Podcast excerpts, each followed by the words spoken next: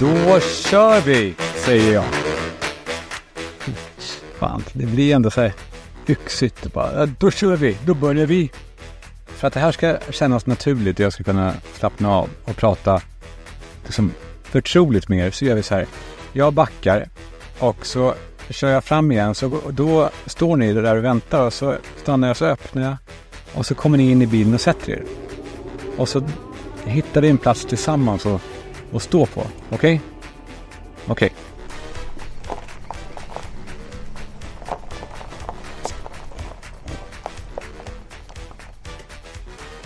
Tjena! Ja, kom. Oh, vilka, vilken värme va? Okej, okay, vi kan väl hitta någonstans och sitta och snacka någon liten vacker plats. Jag, eh, fan, såg du det där med Gröna Lund eller? Det är ju sjukt, men det som, det som ändå får mig att reagera hårdast är ju den här vdn. Såg du klippet med den där jäveln? Man ska väl inte hålla på och hitta spaningar, eller hur? När det är sådana här hemska händelser. Men, men eh, apropå liksom krishantering. Det är så uppenbart med honom att han har, han har gått någon sorts krishanteringskurs. Man kan ju tänka sig att förtroendet har brustit hos eh, besökarna. Hur ska ni återuppbygga det här? Eh, det kommer att vara en resa tillsammans med våra fans i Stockholm och förstås hitresta gäster och sådär. Och som VD, hur mår du idag? Ja, det här är fruktansvärt. Det är en, en, surrealistisk känsla. Jag trodde inte att jag skulle befinna mig här nu på eftermiddagen. Eh, att en dag som ska vara en dag av glädje på Gröna Lund där man kan få rymma från vardagen och få verkligen bara känna att trygghet och glädje blev någonting helt annat. Där har vi brustit å det grövsta i vår leverans. Så hemskt ledsen för det. Fans? Va, fans? Vad fan pratar han om fans? brustit i leveransen. Ja, det kan man ju kalla det. Fan, här är det fint ändå. Billing, Billinge utsiktsplats. Fan, vi vänder om och tar den. Kan vi sitta och snacka lite. Eh, nej, men det låter ju på han eh, vdn så han vill ju bara, han bryr sig ju inte. Eller kanske, han tycker nog att det är skitjobbigt såklart. Men han vill ju framförallt så vill han ju rädda sin business. Snarare än att liksom visa äkta, äkta känslor liksom. Vore det bättre om han, om han liksom inte kunde hitta orden eller säger bara att det är ofattbart eller något, att han är i chock. Men att han håller på att säga att, att han hoppas att hans fans det alltså. Nej, fy fan. Nej, men det är ju något med folk som bara tänker på sitt eget bästa. Det jag vet inte om det är kanske bara jag som är känslig just nu då, men men, ja, men som när någon bara frågar så här, du, eh, vad gör du på torsdag? Vem gör så? Eller hur? Alltså vilka jävla svin gör så? Utan att säga någonting annat. Vad gör du på torsdag? Man bara, eh, yeah, beror på vad du menar, men det kan vi inte säga heller. Så då måste man ju typ, eh, ja men halvmörka, eller hur? Man vill ju ändå inte missa chansen om det skulle vara något som är så jag har två biljetter till den, där, till den där grejen. Och du får båda biljetterna. Du slipper mig också. Du... Nej, fan, man gör inte så. Sen är det väl jävligt sällan det är genom att man får två biljetter till den där grejen. Utan det handlar ju såklart om tjänster. Och då är det ännu en sån grej som man inte heller gör. Man ber inte om tjänster heller. Om det inte är någonting riktigt viktigt. Alltså att be någon om en tjänst, det är ju utpressning. Vem skulle, vem skulle liksom tacka nej? Det, alltså då blir man ju ovänner. Eller då får man i alla fall dåligt samvete om man tackar nej. Så från ingenting så kommer någon och ber om en tjänst. Och så säger man nej. Och då är det så här, jaha, nej, tack för ingenting då. Ditt svin, tänker jag. Och man själv bara, Hall hallå? Hallå, vad hände där? Fan, nu, här kan vi slå oss till ro och hålla hand och prata. Det är fint. Hörru ni, hörru du, hallå, eh, här är jag. jag. Eh, nej, jag ska börja prata om folk som har orimliga önskemål. Det låter som att jag är lite gnällig kanske idag. Det kanske jag är då. Det kanske är värmen som gör det med, med folk. Men, men men det händer hela tiden nu. Man ser på Instagram och, och Facebook så här, typ avmätta inlägg med texten typ eh, så här, hyr ut min lägenhet vecka 27 till 31, 7000 i veckan, DM. Och man bara, ja det skulle passa dig jävligt fint va. Det skulle vara en härlig liten intäkt när du ändå inte är hemma. Det, är så här, det skulle inte vara dumt va, om du fick det. Det, det är så jävla, åh, åh jag blir tokig. Jag, alltså det vidrigaste är också att de kanske får ihop det där ändå, att det är någon jävel som går på det eller, eller räddar upp skiten så att den här personen bara, ja jag hyrde ut den, hela, jag är hela semestern. Jag fick eh, 28 000, fan jag blir galen. Men det är någonting med den där, den där jävla, ja men sådana här snål-hustlers, ja, det som är äckligt. Det är, ja men samma typ av människor håller också på är ute efter att byta lägenhet ofta. Och de, liksom, de, det är inte så att de är ute efter något byte där alla gynnas. De pratar bara i egen sak. Det är så här, eh, Finnes, Mini 2 i Aspudden, önskar minst trea eh, runt Nytorget. Jävla as, fy fan. Det är så provocerande alltså. Det är klart det passar dig bra ja. Eh, de bara, ja, jag vill ha det. Jag vill ha en trea. Oh, de tycker liksom att det här är i sin ordning. Och jag blir, jag blir, jag blir galen. Jag minns när jag var på Tinder någon vända för ett gäng år sedan. Och jag brukade swipa utan att läsa liksom profilen på de här tjejernas liksom texter. Och så när vi matchade så, då gick jag in och läste och det kan ju vara bra innan man börjar prata. Och eh, ja, men då såg jag att det var så jävla många som hade extremt tydliga önskemål på den här, på killen de ska då träffa. Om, en, om allt möjligt liksom, såklart. Men ett av de liksom vanligaste önskemålen, ja, det var väl lite känsligt då. Men, eh, ja, men det handlar om längden, om killens längd. De ska ha en lång kille. Och jag är inte, jag är inte naiv. Jag är ingen, jag är inte född i farstun. Jag är inte, jag är inte helt eh, torr. Eller vad säger man? Jag är torr. Jag är torr bakom öronen. Jag är ingen jävla lök. Nej men jag vet ju att, eh, nej men de kanske inte, jag kanske inte hade matchat med dem om jag inte var liksom, eh, nej men så här halvkänd. Liksom. Och då tycker väl de att det är lite kul. Eller något. Men det där med längden. Alltså, så här. Jag är ju inte lång och de här tjejerna, de vet det. För att de vet vem jag är. Och fan, det blir komplicerade känslor i mig då. Jag blir både liksom smickrad. Men jag blir också provocerad. Så jag ville liksom nästan fråga så här. Men, men hur viktig är längden nu då? Vad är det som har hänt? Varför, varför går det bra med mig då? Men det blir ju jävligt konstig stämning då. Eh, för då blir det någon sorts... Eh, ja, nej. Så det gjorde jag ju aldrig. Utan jag gick och dejtade dem och låtsades som ingenting. Och... Eh, ja, men det var ändå slående. Det kanske var någon sorts eh, solidaritet med mina eh, fellow eh, korta, korta eh, eh världsvänner där ute. Att fan, skit i längden, vem bryr sig? Det handlar väl om utseendet i stort. Vem fan bryr sig? Jo, men det gör man väl kanske. Skit i det. Det var inte det jag var ute efter. Det var bara det att det var med vissa tjejer och kanske killar också, men mest tjejer tror jag ändå. De är lite grann som den här, nej men de är då som mini-tvåan i Aspudden. Och som är ute efter ett orimligt byte. Ja, okej. Okay. Du då, du vill ha en, eh, en lång kille eh, med båt och ekonomin den ska vara så in i helvete ordnad. Och han ska vara så och så och så och så. Och, och jag bara, men du då?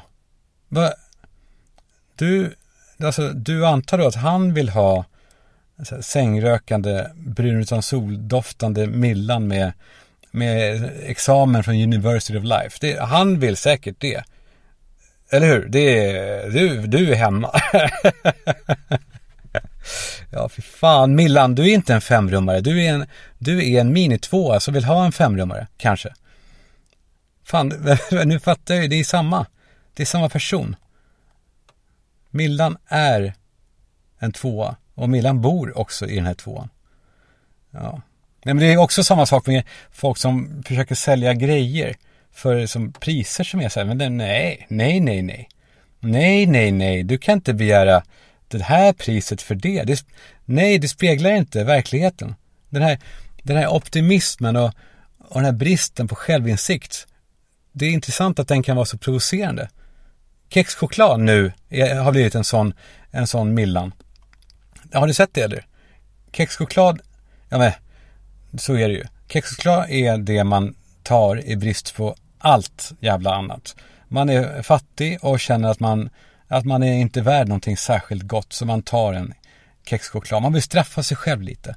Jag ska få lite, lite så här torrhosta och känna att det finns spår av choklad i den här, i den här jäveln. Och vet ni vad den kostar nu? 21 spänn kostar den på 7-Eleven. Ja, okej, okay, 7-Eleven, där är det dyrare alltid. Men, men 21 spänn, det har, en, det har den aldrig kostat. 21 spänn för en, för en kexchoklad. Snacka om att ha höga tankar om sig själv. Eller ha dålig självbild då. Eller att eh, liksom vara ute efter ett orimligt byte. Fuck you! Fuck you, kexchoklad. ja. ja, men för mig är det, ja, men det är lite åt andra hållet det här med att sälja grejer. Jag, jag utgår från att ingen vill ha någonting. Så jag slänger det. Eller ger kanske bort det liksom, om det ska vara, men då ska det vara, då ska det vara riktigt fina grejer. Men det är också dumt för att den som säljer och så, de gör ju rätt. Man ska vara cirkulär och återvinna och så. Det är någonting fint egentligen. Men det är bara att de som, det är många som försöker sälja det här krafset. Och, och det är någonting som kliar. Som en svampinfektion. När människor som har och lever i överflöd säljer små saker. Det är äckligt. Det är bara, det är äckligt. Säljer någon jävla, eh, någon jävla ful vas för så här, 450 kronor. Eller en, spelar ingen roll, alltså, för, för 200 spänn. Du ska inte sälja, ge bort det då tycker jag. Eller något, jag vet inte. Och särskilt också, så här, jo, ännu, en, ännu ett steg in i de här jävlarna. Det är när de lägger till hur mycket de egentligen tycker om den här skiten som de ska göra sig av med. Så här, sälj min fina Ekeby-soffa. Säljer världens finaste matbord från Mio som jag kommer sakna. Ja, kommer jag göra. Och så bara, så nämner de ett så här överdrivet nypris på typ 8000 och säljer det för 6000. Och jag ser att, jag ser att det jävla bordet, det är inte, det är inte värt 6000. Och det kostar inte ens 8000. Så det kostar inte 6000 ens när det var nytt. De vill bara göra en jävla superaffär. Och det är inte rimligt. Jag blir tokig. ännu, ännu ett steg. Nu måste prata med så här, högre och högre, högre, högre röst. Men ännu på nästa nivå då.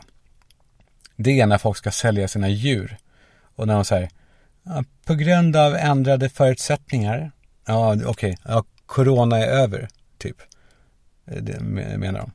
Så måste jag göra, av med, göra mig av med världens mest underbara labradoodle schäfer Staffe. St Staffe. Staffe.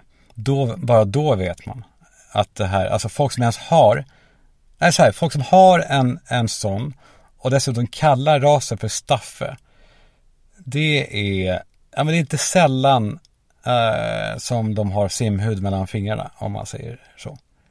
Det är inte så här, deras mamma är också deras kusin och halvsyster på något sätt, om ni fattar. Om ni, am I right, am I right, am I right. Ja, ni fattar vad jag menar. Ja, annonsen bara, annonsen står så här. Ja, men, eh, eh, han är fyra år och eh, kissar inne och har lite problem med tillit. Och barn som kommer för nära och han markerar för han har integritet. Ja, det har han. Det ska vara någonting bra då, att de, att de uppenbarligen biter barn. Ja, jag söker nu en ägare som känns rätt till min Han skulle må bäst av. Nej, fy fan. Vet du vad han skulle må bäst av? Han skulle kanske må bäst av att vika in tassarna för gott. Det är också det här med att, att söka en ägare som känns rätt. Som att de bryr sig. Vad då känns rätt? Det skiter ju du i. Eh, Millan. Nej, men det är ju verkligen så att, att få saker Få saker i livet säger lika mycket om personer som, som sakerna de vill sälja och på vilket sätt de beskriver varan. Så kolla upp det, för helvete, om du dejtar någon. Kolla upp om de säljer någonting. För då kommer du snabbt få veta vad det är för typ du dejtar. För det kan vara en Milla. Apropå det som människor som bara tänker på sig själva. Har ni tänkt på det? Varje minut som man lyssnar på någon som bara pågår. Alltså en sån som inte ger, ger en rum att svara eller, eller tänka eller liksom processa det han säger. Det ofta är det ju en han. Då stannar ju allting egentligen upp en stund, eller hur? I alla fall om, om det inte handlar om liksom saker som man faktiskt är ute efter. Så jag vill verkligen att du som lyssnar på mig just nu, tänk på det här. Att det, vad fan ska man säga? Det är viktigt att syftet är klart eh, för varför man ger den här personen tid. Det är, det är viktigt alltså. Det kan ju såklart handla om så här, rent lärande eller, eller, eller så. Då är det inte lika viktigt att kanske delta själv. Om man, bara, man kanske bara ska ta in det. Eller så vill man bara bli underhållen, då kan det vara samma sak. Jag vill bara ha en jävla röstjävel. Då kan det vara så. Men i övrigt alltså. I övrigt. Eh, ja, det är ju skönt ibland att få bara saker levererat. Men när man lyssnar på typ, ja men vissa poddar som, de bygger på ett så förmodat intresse av personerna. Har ni tänkt på det? Eller hur? Man hör två personer sitta och babbla och prata med varandra om vad de har varit med om eller vad de tycker om saker och vad de känner och, och eh, fan, jag tänker på att det är väl det man har vänner till. Det är väl det jag har er till. Eller ni har mig till kanske. Eh, fast fan, nu blir det jävligt meta alltså. Men, ja, inte fan, för det känns i många av de här poddarna som att, alltså, som att man är tredje hjulet när man lyssnar. Som att man är så här, det är två fräsiga polare som snackar och, och, och jag ställer mig under dem och lyssnar på dem för de, eh, de vet att de är intressanta. Det är så här, fan, en, en, en dum utgångspunkt som ofta inte stämmer. Men fan, det är klart, det, det finns ju och det är ju det som är, funkar bäst då. Kanske kommersiellt. Det, för mig är det som, det är när man hamnar bredvid någon på typ en, en middag eller något eller en bröllop när det är bordsplacering så hamnar man bredvid någon jävel som, som bara sänder ut. Och, eh, och hur man då eller man, hur jag då alltid liksom tar rollen av att jag låter det vara så. Så jag, jag, jag bara ställer alla frågor. Jag, jag, eh, jag, bara, jag tar ut mig då under en hel kväll för att jag märker att den här personen är inte nyfiken. Han eller hon ställer inga frågor. Någonting ska det ju pratas om. Och så bara får man driva det hela tiden. Och efter en sån kväll då är jag, jag är helt, jag är helt färdig. Och ibland vet jag inte varför så kommer jag på det. Jo, Fan, nu vet jag det. För att han ställde inte en enda fråga till mig på hela kvällen. Han är inte, jag menar inte att man ska vara nyfiken på mig just. men, men det är jävla slående det där. För nej, men oftast är det ju så att de, de mest intressanta människorna, det är de som frågar mest. Jag säger inte då att jag är mest intressant. Men, men man blir nog intressant för att man är nyfiken. För då har man tagit reda på mycket kanske, eller hur? Man tar reda på hur saker funkar. Så i min värld så tänker jag att folk som inte ställer frågor till dig eller mig, de är med all säkerhet en ointressant person. De är ointressanta personer. Eh, det är, ja, fan, nu, nu när jag säger det så håller jag med. Men sen så, ja men det, det är ju så bra och fint att lyssna och ta in. Alltså det, det sägs ju alltid så att, att man har två öron och ett rövhål. Eh, och en mun. Eh, men så här, att vi liksom är liksom uppfostrade att lyssna. Problemet är bara att vissa utnyttjar det där och, och ja, de, de pajar systemet. De står där och, och njuter och tror kanske att de är intressanta. Fast allt i själva verket handlar om att vi bara är väluppfostrade. Men så går åren, eller hur? Eh, och man, man tröttnar kanske mer och mer på de här, på de här typerna. Och man börjar kräva kanske mer av de som eh, man ger sin tid åt och inte mindre. Man, man, vill, ha, man vill ha mer stimulans i livet, inte mindre. Nej, för jag, det har väl att göra med att tiden är ändlig. Eller hur? Alltså att eh, man, man kanske känner att fan, jag kan inte slösa bort mer tid på ointressanta jävlar som inte liksom ens är nyfikna. Det är som, eh, man får lite samma känsla som när man gick till Tjorren som liten med en, en tiolapp. Och den här tiolappen är, är som tiden och livet. Och som ska spenderas och göras av med. Om man går fram till luckan och, och tittar uppåt och, och frågar vad får, jag, vad får jag för den här? Och han, han där uppe, han suckar. För han vet att det här, det här kommer ta tid. Vad, vad, vad du får för den? Jo, du... de, var alltid, de var ju alltid turkar. Eh, ja, så, och så sätter han igång och ve, eh, pekar och visar och, och drar sin ramsa. Och man häpnar över hur mycket som man faktiskt får. Och eh, ja, det är Banana Skids, Refreshers och Jänka. Och sådana här tioöres eh, små droppar. Vad hette det? Var det krokodiltårar? Var det så? Det fanns vita och svarta sådana. Ja. Men sen är det så att i början då, då handlar man inte särskilt klokt. Man bara, ja, jag har gott om pengar. Jag bara, jag köper grejer som jag inte ens har testat än. Och som kanske liksom, nej, de är inte goda, så man kanske till och med kastar hälften. Men så börjar den här pengen då tryta. Om man vill säkra upp genom att kanske välja godisar som är pålitliga och som som varar lite längre, som inte är liksom lika kortsiktigt goda och försvinnande. Så man, man stoppar ner lite jobbiga bitar som man inte, inte bara nafsar i sig. Som man gör då i nutid med de här, de här Fizzy-flaskor heter de va? Fizzy. Turkosa och rosa. Eh, ni vet, som är flaskformade. De köper man ju för att äta sist, för att ha liksom sist i skålen. När det goda är slut så är det så här, Ja, halvgott. Där, det tar vi. Det är deras jobb. Att vara sist, äh, att äta sig upp sist. Men det är ett fint jobb. Fan, när jag tänker på det, jag har någonting här. Är ni med? Har det, eller hur? Ja, finns någonting här. Okej, så här då. Vi, vi gör en tes av det. Min tes är så här. Gamlingar äter ju bara långsamt godis som inte är så här inställsamt och, och så. De äter så här sådana här karameller med vackra plåtburkar eh, med florsocker i som man kunde hälla i sig och få så här host, hosta som barn när man, och man sög på fingret och körde runt i botten på de där på mor, mormors burk och så slickade man av det igen. De, eh, ja skitsamma, ja, sådana äter de och Werthers original äter de ju. Och, eh, men pastiller i största allmänhet. De älskar pastiller gamlingarna. Och jag tror att det är för att de vet att deras tid snart är slut. Och på samma sätt som att man då med åldrandet blir, blir man mindre och mindre intresserad av att slösa sin tid på kortsiktiga människor med, med kortsiktiga tankar.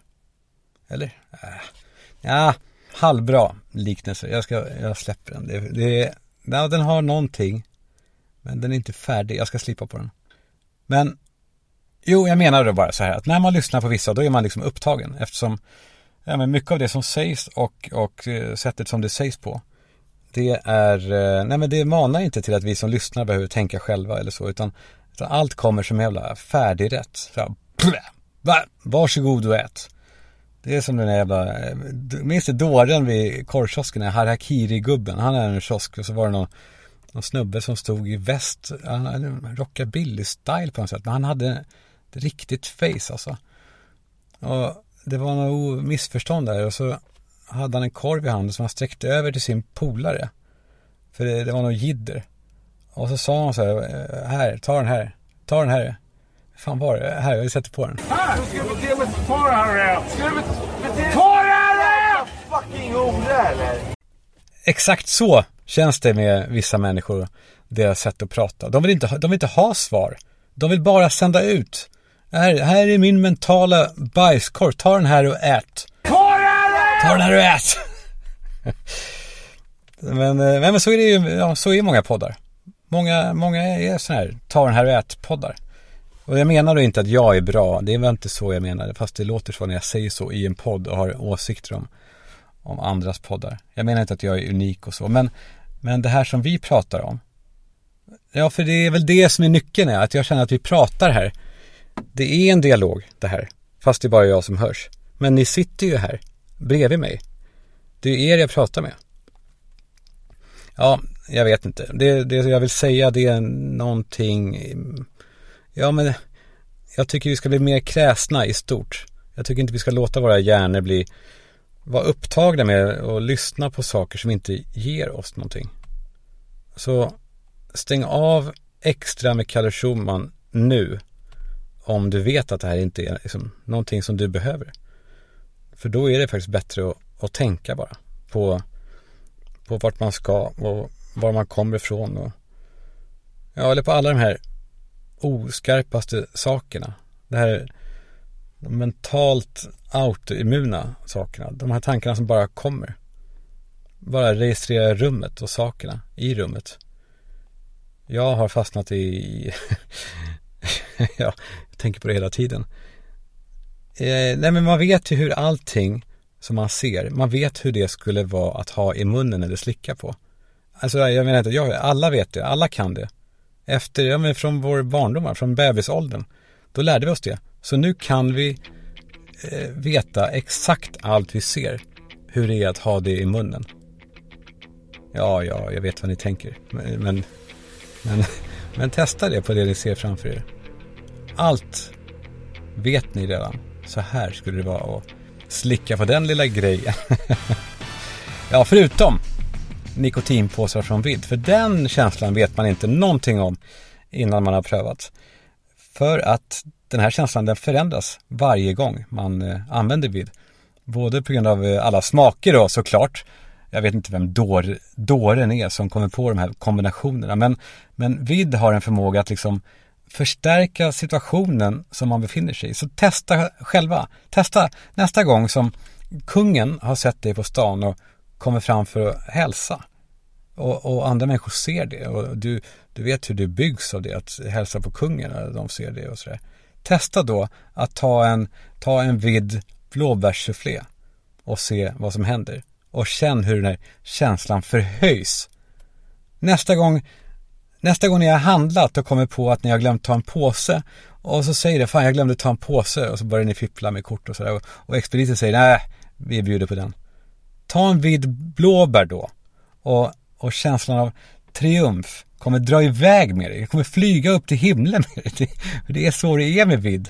Känsloförhöjaren för alla över 25 som, som vet att om man ska använda beroendeframkallande nikotin så använder man bara det bästa. Vidd. Åh. En känsla till som jag tycker om jävligt mycket det är känslan när man ska åka ut från NK-garaget som ju kostar 144 kronor per timme. Och eh, om man kommer fram till bommen där man ska sätta in sitt stackars arma kreditkort och så bara händer något. Så fort man närmar sig så bara öppnas bommen. Alltså, man stod alltså gratis i stans mest exklusiva garage och laddningen, den bjöd de också på. Den känslan, att vara att vara about town. Den får man med Aimo varje dag. Så välj Aimo nästa gång ni ska hyra bil. Kalle Schulman-känslan. Allt bara, allt bara funkar. Tack Aimo. Och nu kommer en sann historia. En helt sann historia i samarbete med Boka Direkt. Jag, eh, jag satt hos en psykolog en gång och jag öppnade mig totalt om eh, alla mina sår, alla mina komplex och eh, prata om den här vikten av att jag måste se till vad, vad jag vill och vem är jag i alltihopa i den här trassliga bakgrunden som jag har. Och den här psykologen, han sa redan från början att, att han inte har någon som helst koll på, på min familj. Och jag frågade så här, är det, är det säkert det? För att det, det fick mig att känna mig trygg. Att veta att jag är bara en person för honom. Jag är ingenting annat. Och eh, ja, det var, det var verkligen så här, ja, förlösande, okej, bra. Jag kan, jag, kan, jag kan vara mig själv med den här psykologen. Och han sa, du kan känna dig helt lugn. Det här, det här handlar bara om dig, Alex. Och jag, jag bara, eh, vad, vad, vad, eh, vad sa du? Och han bara såg så här frågande ut. Och jag bara, men, men du kallar mig just Alex. Och du sa nyss att du inte ens visste om att jag har bröder. Och han bara, det var ju pinsamt. Så han skrattade. Det är så jävla sjukt. Eh, så går det om man väljer psykologer som inte finns hos bokadirekt.se. Så säkra upp, välj proffsen för på bokadirekt.se är alla proffs. Tack bokadirekt.se. Jag var, ja jag var det. Jag var en av alla killar i helgen som läste varenda rad om Prigozjin och hans väg mot Moskva. Det var ju, vilken, vilket dygn vi hade. Men, eh, men det slog mig så tydligt efter att jag hade följt med så här extremt noga då hela lördagen och jag slog upp blicken sen på det vanliga livet och det som pågår här i Sverige. Det var någon ny sprängning och två skjutna och någon upprörd debattartikel om att eh, polisen måste få mer handlingsfrihet att, eh, ja, vad det nu är. Och ja, först slog det mig då hur meningslöst som allting känns när man ställer det mot varandra. Alltså vad är, vad är, vad är gängkriget i, i Sverige mot det som händer i Ryssland? Det, eh, det, är ju ingenting, men det går inte att tänka så. Man måste inte välja. Utan man kan vara, man kan vara bekymrad för bägge. Men så föll allt på plats. Jag tror att jag har det. Jag har kanske lösningen på alltihopa. Jag... Okej, okay, lyssna nu på mig då. Så här är det. Det här, det här, eller så här är det. Jag kan inte säga så här är det. Det här är min idé. Kalla mig eh, naiv och dum i huvudet. Om ni vill. Men så här. Att vi skulle behöva en rejäl kris i Sverige. Det jag kan inte säga, det vet alla. Men okej, okay. i grunden tycker jag att Sverige skulle må bra av att gå igenom en riktig kris. Från, alltså inte en inre kris, utan en kris med ett yttre hot. Någon som vill Sverige illa. Det skulle vara kanon för oss. Och de här gängen som vi har, de skulle i så fall kunna bli vårt lands hjältar. Alltså som Wagnergruppen. Det är, det, är, ju perfekt. Alltså allt handlar ju om att använda det, det som vi är rädda för hos dem. Och det som, det som är problem, då gör vi det till styrkor och, och möjligheter. För vi sitter ju i så fall med en, ja, men potentiell jävla superarmé av, av, av liksom sköningar då i det här fallet. Som, som Wagnergruppen ses som mer och mer. Och jag tänker att om man då har en stark ledare till det här, det skulle ju vara, alltså tänker, man tar då in då alla gängkriminella in i en, en eh, armé. Vi startar en, eh, en eh, jävla riktig rövarmé. Den kan heta så. Och eh, så sätter man in en bra ledare till dem som kan liksom vända på dem. Och tänk dig, alltså gränslösa jävla dårar extrem lojalitetskänsla och eh, de, är, liksom, ja, de är vana vid krig. De är inte rädda för att dö. Totalt orädda. Lättrörliga, svårfångade. De, liksom, de åker Voi och moppe. De kan dyka upp från ingenstans och bara operera in, destroy och ut igen. Och de blir aldrig gripna. De är, de är, de är, de är som västler. Alltså fatta vilka, de har ju så många färdigheter redan nu som vi kan, som vi kan få till våran sida. Ja, så har jag kollat upp lite data på det här för att understödja den här, den här idén. Det är min, min eh, vision. Eh, Gunnar Strömmer som är justitieminister, han säger att vi har 30 000 gängkriminella. Men han, ja, säger att vi har det då. Men låt oss säga så här, vi har 10 000 gängkriminella som är, som är, eh, är som inte är, som inte är bögar. Eh, jag säger bögar för de pratar ju alltid så, de här arméerna. Vi har 10 000 tuffingar. Det, det kan man eh, säga. Minst. Och Wagnergruppen som åkte mot Moskva nu i lördags. De åkte med tanks och vapen, var på väg mot Moskva. Hela, hela jävla, alltså Putin höll på att skita ner sig. De var 5 000. Och de var också till stor del liksom handplockade från fängelser och så.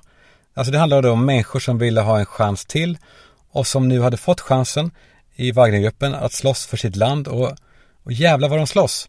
Och vi har ju exakt samma. Fast vi behöver inte lägga ut uppdraget på någon privat dåre då, utan vi gör det, tycker jag, under en liksom, statlig Sverigeflagg. Så om vi nu ändå har de här asen så kan vi väl utnyttja dem, använda deras egenskaper och liksom, ta in dem i försvaret för minsta, minsta förseelse du ska in, fem år eh, värnplikt. Eh, ja. Och så startar vi kanske en, en, ny division som inte är försvaret utan attacken. Sveriges, Sveriges attack, attackmakten. den svenska attackmakten, där har vi det. Eh, och så, och så visar, visar man dem vem som är fienden och de skulle ju aldrig ge sig. De skulle ju, de skulle aldrig ge sig och vi skulle älska dem. Alla skulle vinna och vi skulle bli, vi skulle bli ett riktigt land igen. Vi skulle älska Sverige igen. Ja, jag vet att jag dagdrömmer och jag berättar det här för Sandra och hon bara skakar på huvudet och så. Eh, så eh, ja, så eh, hörde jag av mig till, till Johan Persson som är integrationsminister och han, jag tänkte han skulle vara med. jag ser att han har, han har läst min, min, mitt DM.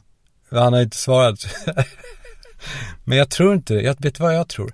Jag tror att han bara, okej, okay, här har vi något. Här har vi, skit i Schulman. För fan, det här, det här tar jag. Han kanske snor den och kör upp den i riksdagen. Att vända svagheter till styrkor, alltså vända rädslor till ilskor. Det finns någonting jävligt bra i det. Som man kanske alltid ska försöka göra. Och de kanske inte vill till en början såklart, men, men jag tänker du, istället för att låsa in dem i så sex månader på LinkedIn-fängelser för kriminella, så nej, men vi tvångsrekryterar dem. Och vi skulle, och sen bara pengarna, alltså, alltså pengarna som vi skulle spara. Jag kollade lite grann bara, skrapade lite på pengafrågan. Och det finns då en nationalekonom som heter Ingvar Nilsson som är duktig. Det här är lite gamla, några år gamla siffror så det är mycket högre summor nu. Han säger att en, en tung, en enda tung gängkriminell person kostar samhället 70 till 90 miljoner. En person kostar det alltså. Och en, en halvbökig gängkriminell kostar 23 miljoner på 15 år. Och ett gäng, ett litet rövgäng på 15 pers under 20 år, de skapar samhällskostnader, tippar, alltså är löst räknat, eh, på 530 miljoner. Och vi har då alltså 10 000, minst, tyska bögar. Nej, inte tyska bögar. Vi har 10 000 gängkriminella. Eh, you do the math. ja, så läste jag vidare på den här på, på data eller på kostnader. En enda skjutning där en person skadas lindrigt och en skadas allvarligt kostar samhället 75 miljoner. Och då ingår då eh, utgifter då för poliskostnader och domstol och fängelsestraff och Försäkringskassan och socialbidrag och la la la la. Eh, 75 miljoner för en skjutning. Ja, hallå. Vad tror ni? Kan vi inte, kan vi inte göra det här tillsammans? Ja, fan vad det vore härligt. Och jag är hundra procent säker på att de, nej, fan vad säger jag? Jag kan inte säga att det här kommer funka, men alltså, jo, det kommer, det kommer funka. Ja, hörni, jag vet inte fan, är jag helt fel ute efter? Jag bara tänker när folk reagerar sådär. När Sandra liksom bara skakar på huvudet och, och så här, ah, hon sa också så här, jag är så mätt på det här med gäng och Ukraina och Prigozjin jag, jag, jag orkar inte. Jag orkar inte prata om det där med dig. Nej, så vi kan väl ta en paus då, eh, men ni får gärna höra av er på DM. Eh, det gör många, vilket jag ju älskar. DM, det känns som att ni viskar någonting i mitt öra här i bilen. Eh, till exempel om grejer killar gör, som jag har fått in ett par riktigt härliga, riktigt härliga grejer som killar gör. Att killar sitter och skakar med benet. Det minns jag också från skolan. Vissa killar satt så här och skakade med ena låret, var upp och ner, upp och ner, upp och ner på fötterna. Alltså de håller på och skakar. Vad är grejen? Vad, vad är det? Är det något biologiskt eller är det någonting folk lär sig? Eller, nej, de lär sig va. De ser andra killar göra det och så, ja, så gör tydligen killar. Ja, där får ni gärna höra av er om ni har något svar på vad det är. Om det är något skit, om det är någon, någon genetisk skada eller om det bara är en dumhet. Och killar visslar, eh, busvisslar i alla fall, utan fingrar och med fingrar. Jag har aldrig sett en tjej busvissla. Jag har, det är kusligt, det är som med, med, med gravida kineser. Aldrig sett. Eh, hur går det till? Var finns de? Vem, varför finns de inte? Vad är det för skit här? Varför busvisslar inte tjejer? jo, nej, det gör de kanske inte för att det är en töntig grej att göra. Och det kanske bara förekommer mest i sammanhang där, där killar eh, håller på, pågår. Men tänk på det. Har ni någonsin sett en tjej busvissla? Utom Pia Sundhage, som ju, eh, ja, men en tjej. Nej, just det. Om du vill så kan jag köra hem dig och, ja, vill du ha skjuts? Eh, det kan vi göra, det kan jag göra. Fan, det minns man också när man fick skjuts av någon eh, och de bara så här, är det okej okay om jag släpper dig vid Slussen? Så nej, jag bor, jag bor ju eh, en kilometer därifrån så om du nu kör så kan du väl lika gärna köra hem till dörren din snåla jävel. sa jag inte. Men tänkte man ju. Det var sjukt att folk då fortfarande när det pågår. Så här, är det okej okay om jag släpper dig vid...